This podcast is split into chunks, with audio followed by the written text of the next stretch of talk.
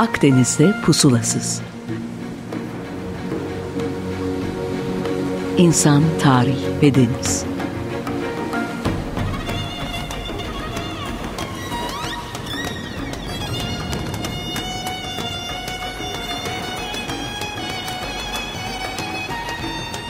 Hazırlayan ve sunan Sidar Duman. 95.0 Açık Radyo'dan herkese merhaba. Ben Sidar Duman. Akdeniz'de Pusulasız'da bir hafta daha sizlerle beraberim.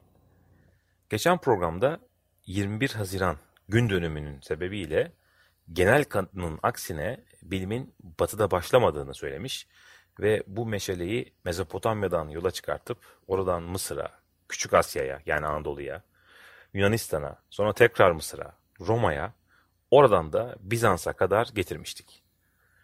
Bugün de Bizanslı hemşerilerimizin bayrağı İslam medeniyetine devri ile devam etmek istiyorum. Şimdi, tarih çok tehlikeli bir silah olarak da kullanılabiliyor maalesef. Yani sadece galiplerin yazması değil bence onu tehlikeli kılan. Hamuruna din ve ideoloji girdiği zaman kitlelerin afyonu olarak kullanılması da sıkça gördüğümüz bir olgu. Bilimde de bu durum çok farklı değil. Örneğin İslam alimi diye bir kavram geliştirilmiş. Halbuki bilim veya sanatla uğraşan birinin itikatından bize ne? Kim yapmış, ne demiş değil de yani ne yapmış, ne demiş diye bakmak, bakabilmek daha doğru değil mi sizce de? Ya da bilim adamı kelimesi yerine bilim insanı demeye başlamamız ne kadar yeni bir düşünsek? 19. yüzyıl modernleşme rüzgarına kapılan her imparatorluk çocuğu gibi bizim Osmanlı aydınları da batıdan çokça etkilenmişler. Giyim kuşamdan devlet kurumlarına, işte eğitimden felsefeye kadar. Tanzimatla beraber e, gelen bu batı tarzı hayat tarzı ve devlet aygıtları cumhuriyetlere devam etti ve bunun bir yan etkisi olarak da tarihi batı kaynaklarından tarayıp öğrendiler bu dönem bizim aydınlarımız. Ve geçen programda ele aldığımız bilginin gelişiminin dizgesine yukarıdan bakmakta da zorlandılar. Zorlandık. Sanki her şey reform ve rönesansla başlamıştı. Bilimin mum ışığı doğuda ya da İslam aleminde hiç yanmamıştı. Batı dışındaki önermeler geri kalmışlıkla sınırlıydı. Halbuki bir medeniyetin diğerinden daha önde olma hali sadece belirli bir süre için belki geçerli olabiliyor medeniyet ölçülerinden biri özgür düşünceye ve birey haklarına saygıysa mesela an itibariyle Amerika Birleşik Devletleri'nde 50 yıllık kürtaj iştihatı yüksek mahkeme tarafından kaldırıldı. Ya da İsrail nüfusunun %20'si sadece dini kurallara göre yaşamak gerektiğine inanıyor. Daha geçen hafta İstanbul'da bir tarikat liderinin cenazesine katılım düzeyi hem sayısal hem de protokol bakımından sadece topraklarımıza ait bir durum değil demek istiyorum. Yani örnekler çoğalıp gidebilir. Bu noktada siyasetten sıyrılalım. Çünkü çok da konumuz değil. Biz Bizans'tan bu bayrağı alan İslam medeniyetiyle ilgili konuşmamıza devam edelim. Şimdi şayet işgal ettiğiniz toprakların sakinleri sizden ileri bir medeniyete sahipseler, önünde sonunda onlara doğru ev, evrilirsiniz. Milattan önce bin civarında bu Yunanların Anadolu'ya gelmeleri buna bir örnektir. Çünkü Anadolu daha üst bir seviyededir. Ve bakarsanız bütün antik Yunan e, şehirleri ya da kültürüne ait öğeler bizim topraklarımızda bulunur. Bunun bir örneğidir. İslam medeniyetinin 640 yılından itibaren başlayan yayılması ve sonucunda bu yeni topraklardan kültürel olarak beslenmesi de istisna değildir. İşte Suriye, Mısır, İran ve Afrika'yı işgal eden Arap orduları bu arada İstanbul'da yaklaşık 4 yıl süreyle kuşatmış ancak alamamışlardır. Bu genişleme 50 sene daha sürmüş. Doğuda Pakistan'dan, batıda İspanya'ya ve hatta Priene'nin işlerine kadar, Priene dağ sıralarına kadar gelmişler. Ta ki Charles Martel 732'de bu gidişata bir dur diyene kadar. Hristiyan dünya da bu sebeple hala kendisine şükranlarını sunar. Genişleme döneminde İslam orduları e, bu coğrafyada biriktirilmiş bilgileri süzerek kendilerine aktarmayı başarmışlar. Gelişen tabi ticaret filoları, e, yani özellikle gemiler, yükleri ve kültürleri taşırken kentlerde zenginleşmiş, bilgiye olan açlık çokça artmıştır. Özellikle Abbasi döneminde Bağdat'ta başlayan bu döneme İslam'ın Rönesansı demek istiyorum. Çünkü kafamızda Rönesans kavramı ile ilgili belli bir resim var. E, ki bu kavramın 19. yüzyılda üretilmiş olduğunu yani İtalya'da Rönesans'ı yaşarken insanların yaşadıkları döneme Rönesans demediklerini de biliyoruz. Ee, Bizans kavramı da bir istisna diye biliyorsunuz. O da sonradan ortaya konmuş. Yani Bizanslılar kendilerine Bizanslı demiyorlardı. İşte muhtemelen bu Bizanslı hemşerilerimizle olan ilişkiler sayesinde çeviriler çağı başladı İslam coğrafyasında. Tabi sadece Bizans değil, Farsi, Yunan, işte Pehlevi eserler de Arapçaya kazandırıldı. Sadece çeviri ya da işte bu kopyala yapıştır bir süreçten bahsetmiyoruz. Örneğin dönemin en önemli seyir cihazlarından olan Üstürlap, burada astrolab yani Yunanca'da yıldız yakalar demek kelime anlamıyla. Bunlar tabi Yunan kitaplarından öğrenmiş olmakla beraber İslam aydınları bunu çokça geliştirmişler. Yani koordinat hesaplamalarda inanılmaz detaylara inmeyi başarmışlardır. Üzerine koymuşlardır. Mesela Kopernik 1500'lerde bu dönem İslam astronomlarına referans veriyor Yunan kaynaklarındansa. Simya da mesela esasında Yunanca tercümelerle başlamış ve tabii yine üzerine eklemeler yapılarak e, Batı dünyasında mesela Bilge Geber diye tanınıyor. Simyanın kurucusu İbn Hayyan yine 8. yüzyılda e, yaşamış bir e, bu döneme ait bir şahsiyet. Simya denildiğinde tabii sadece sülfür ve civadan altın yapmayı kafaya takan böyle insanlar gibi düşünmeyelim. Yani gizli bilimlerin tümünü anlamaya çalışalım. Şimdi Avrupa'nın bu Rönesans ve Reformasyon hareketini İslam medeniyeti 8 ila 13. yüzyıllar arasında yaşamıştır. Çeviri çağı olarak tabi devralınıyor bu bayrak. Eserlerin ama içselleştirilmesiyle gelişmiş ve Batı dünyasına aktarılmıştır. Netice itibariyle Abbasi halifelerinin bu Bağdat'ta başlattığı çeviri hikayesi Avrupa'daki aydınlanmanın ve bilimin de kıvılcımını oluşturmuşuz dersek e, sanki dizgede hata yapmamış oluruz. Tabi bugün ismini bambaşka gerekçelerle duyduğumuz kentlerin 800'lü yıllarda ne kadar gelişmiş olduklarını hayal etmemiz çok zor. Mesela Suriye'nin hemen kuzeyinde yer alan bugün maalesef adı sadece terörle anılan Rakka 800'lerde yine Harun Reşit'in hikayesinin başladığı yer. Ee, Harun Reşit demişken Bağdat'ta kurduğu bir hikmet evi var. Beytül Hikme ya da işte Bağdat Büyük Kütüphanesi. Yani İslam'ın altın çağı olarak anılan yani öyle demek yanlış olur mu bilmiyorum. Dünyada eşi benzeri olmayan bir yerden bahsediyoruz. Çok büyük bir kütüphane, gözlem evi yani bir enstitü demek belki daha doğru. Dünyanın neresinde olursanız olun şayet ilim irfan sahibi olmak istiyorsanız gelmeniz gereken yer bu hikmet evi. Bağdat'ta. Ee, kütüphanelerle ilgili bir Anadolu bağlantısı vermeden geçemem. Geçen programda çok küçük de, belki de bir bilgi vermiştik ama Helenistik dönemden bahsediyoruz. Milattan önce 300'lerde e, İskenderiye Kütüphanesi'nde dönemin en ileri felsefe ve bilim merkezi ve papirüs kullanılıyor e, kitaplar yazılmak için. Anadolu'da Bergama Kütüphanemizde çok gelişiyor aynı dönemde ve Mısır'da buraya kendisine entelektüel bir rakip olarak görmeye başladığı için papirüs ihracatını durduruyor. E bunlar üzerine yazılı, yazı yazabilecek başka bir malzeme de bulamıyorlar. Çünkü sadece papirüs var o dönemde. Ancak bilgiye olan açlık önlenemediği için Bergamalı hemşerilerimiz ne yapsın? Bir icatla bu sorunu çözmeye çalışıyorlar ve e, parşömen ortaya çıkıyor. Yani hayvan derilerini işleyerek iki tarafına birden yazmak. Ve bu sayede ilk kez kitap formunda eserler ortaya çıkıyor. Bu yeni kayıt tutma şekline de şehrin ismi olan Pergamon deniliyor. Yani Pergamon parşömen bağlantısı. Latince Charta Pergamana yani Bergama kağıdı deniyor buna. Peki Abbasi halifeleri zamanında bu yükselen kitap ihtiyacı için nasıl bir çözüm üretiliyor? E, ee, 750'lere kadar pek gelişmiş ve yerleşik olmayan bu kültür nasıl yüz binlerce kitabı hem çeviri hem de yeni baştan yazacak kudrete ulaşabiliyor. Belli ki bir teknoloji transferi olmuş. Yani kağıt yapımı konusunda yani mesela bir ihtimal 751 bu Talas Savaşı'nda hani deriz ya Türklerin de Müslümanlığı tırnak içinde tercih ettiği savaş. Bu Çinli esirlerin ele geçirilmesiyle Bağdat'ta işte bu kağıt üretimi aynı döneme denk geliyor. Tabi Çin'in de bu konuda çok çok ileri olduğu göz önünde bulundurulursa acaba onlar mı öğretti Bağdatlılar acaba kağıt işini? Bu dönem kağıt yapımının yolculuğunu takip edelim. Semerkant'tan Bağdat'a geldi ve hızla rafine edildi, seri üretime dönüştürüldü. Buradan da batıya doğru Şam, Tiberya, Suriye, Trablus öyle gitti. Çinliler dut kabuğunu ham madde olarak kullanırken Müslümanlar lif uzunluğu ve dayanıklılığı ile yüksek kaliteli kağıt üretimine müsait olan bu keneviri kullanmışlar.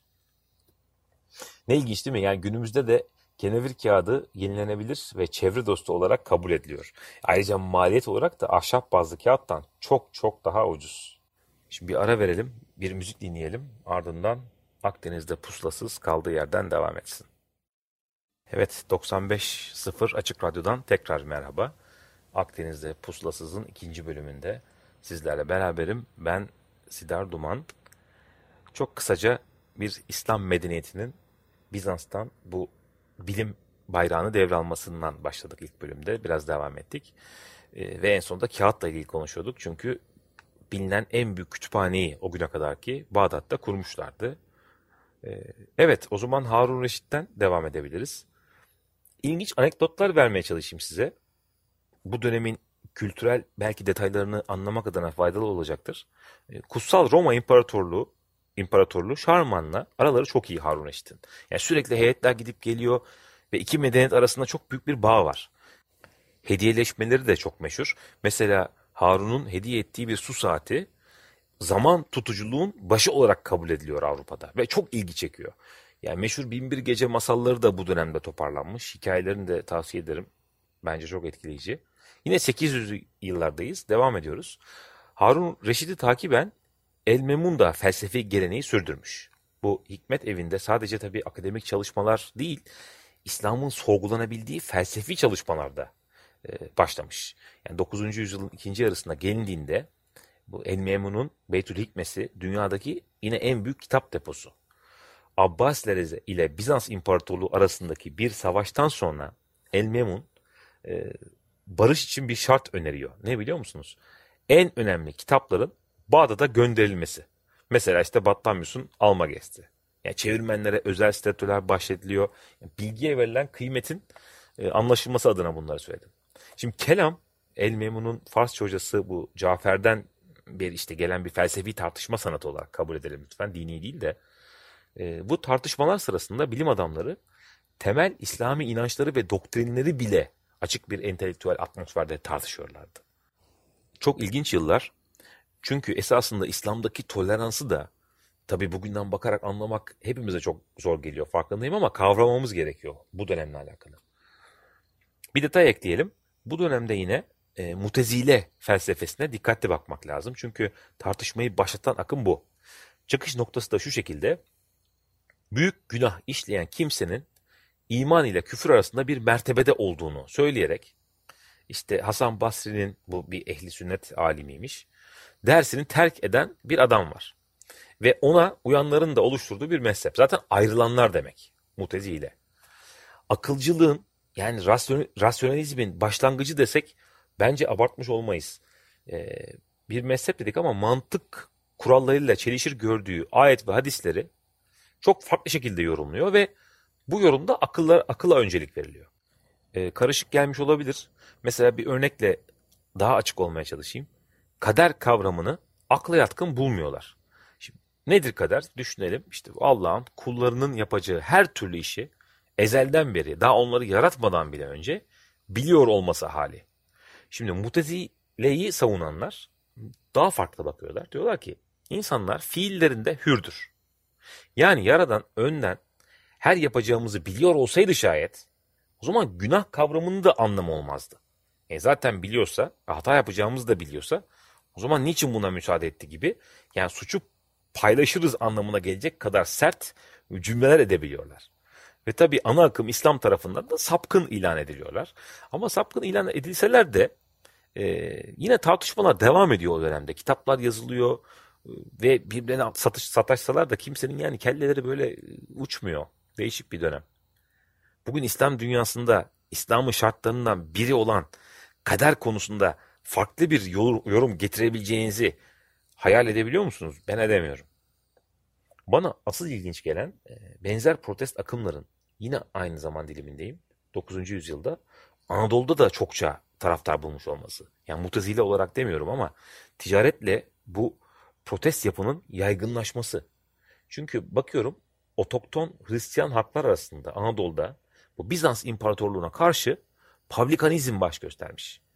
Yani başlı başına bir konu tabii bu buraya sığdırmak doğru değil.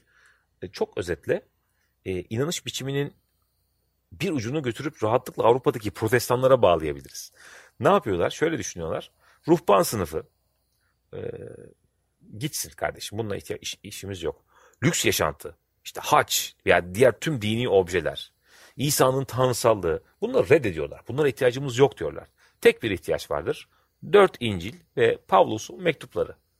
Bunların arasında ruhban gelmiş, bunların tasvirleri varmış, onayları varmış. Bunlardan ayırmışlar kendilerini. Otoriteye baş kaldırmışlar ve tabii ki sonuçta ızdırapla dolu bir süreç. Ee, ama Anadolu'ya düz- seferler düzenleyen Araplarla da işbirliği yapmışlar. Çok şey paylaşmışlar. Ee, birlikte hatırlayalım. Belki İslam'ın da etkisiyle bu dönemde Hristiyanlık hatta ikona kırıcı bir yüzyıl yaşıyor. Yani tüm dini figürleri, mozaikleri, freskleri kendi elleriyle imha ediyorlar. Yani kutsallık atf- atfedilen bu objelerin yasaklanması ile imanın olması gereken noktada daha içsel bir dünyada güçleneceğini düşünüyorlar. Ancak işte netice itibariyle Bizanslı muktedirler e, Pavlikanları Balkanlara sürüyor ve belki de onların izlerini bugün Boşnaklarda, Pomaklarda hatta biraz daha iddialı konuşalım Alevilerde veya Avrupa'da protestanlarda görmek bana sorarsanız mümkün. E, 9. yüzyıldan bahsetmeye devam edelim. İslam ekipleri İspanya'da geçtiler ve Endülüs, El-Andalus e, kuruldu ve burada e, İslam'ın altın çağı hatta Yahya Kemal'den bir dize ile çok ileride bile bunun ne ifade ettiğini hissetmeye çalışalım. Zil, şal ve gül. Bu bahçede raksın bütün hızı, şevk akşamında Endülüs, üç defa kırmızı. Altın kadeh her elde, güneş her gönüldedir. İspanya varlığıyla bu akşam bu güldedir. Bazı bilim insanlarını da anmadan geçemeyiz. El Kindi mesela. Geçen programda Millet'te tanıştıklarımız vardı. Onlar da filozof bilim insanı bir bütünlerdi. Bu aynı şekilde El Kindi de bu böyle. İslam'ı Aristoculukla e, ve müzik teorisiyle tanıştıran bir kişi diyebiliriz. Görsel algı, ışığın işte kırılımı gibi konularda yaptığı katkılar bu Avrupa Rönesansı'nda karşımıza çıkan perspektif kanunlarının da temelini oluşturuyor. Tabi bütün bu İslam Rönesansı'nın temeli astronomiden geliyor. E, astro, astroloji ile tabii ki el ele. E, bu Şirazlı şair Sadi'nin bana komik gelen bir anısını sizle paylaşayım. Dönemin çok önemli bir astronom astroloğu evine dönüyor ve karısını başka biriyle yakalıyor. İşte tabii deliye dönüyor, mahalleyi al- ayağa kaldırılıyor. Derken bir komşusu gelip şöyle diyor. Ya kardeşim sen daha evinde kimin olduğunu bilmezken gökteki yıldızlarla ilgili ne bilebilirsin? Ee, belki bu hikaye yüzünden Farabi mesela astrolojiden pek haz etmiyor. Özel bir kişi olduğunu düşünüyorum. O kadar farklı alanlarda üretim yapmış ki. Yani bugün Sufi müziği dinlerseniz ki istiyorsanız her ayın son pazar günü Galata Mevlihan- gidip sema izleyebilirsiniz. Bunun da özü Farabi'den geliyor. Yani genel anlamda yaptığı müzik çalışmalarının Avrupa'da uzun yıllar eşi benzeri olmamış. İşte Platon'un Cumhuriyeti kitabını almış, onu İslam'da nasıl işlevlik kazandırırım diye yazılar yazmış, sürüp gidiyor. Ya da işte Arap Galen olarak bilinen El Razi var. Tıpta çok önemli bir isim. Yani önemli derken bu insanın kitabı e, 19. yüzyıla kadar Avrupa'da okutuluyor. E tıp dediysek şimdi İbn Sina'yı atlayalım mı? Yani Batı'nın Avicennes'ını. Hatta şu saptamasını ben e, tıpla ilgi yaptığı alandan daha da kıymetli buluyorum. E, tüm bilimleri sıralamam istenirse en tepeye hiç kuşkusuz felsefeyi koyarım. Daha ne desin Avicenna. Genel olarak bu dönemde üretken kişilere e, farklı alanlara çalış- çalıştıkları için bilge diye hitap etmek çok da yanlış olmaz sanıyorum. Yani Biruni'yi ele alın. Çalıştığı alanların sayısını burada özetlemeye çalışsak programımız yetmez. Ya da Diyarbakırlı hemşerimiz El Cezeri var. Otomatların mucidi. E, böyle gidiyor. Peki can alıcı soruya geldik çünkü zamanımız azaldı. Ne oldu da özetini bile bir programa sığdıraya, sığdıramayacağımız İslam medeniyeti yıkıldı ve şu andaki gördüğümüz tablo içindeki yerini aldı. Aslında yıkılmadı. Bayrağı Endülüs'e devretti. Endülüs'ten Avrupa'ya devredildi.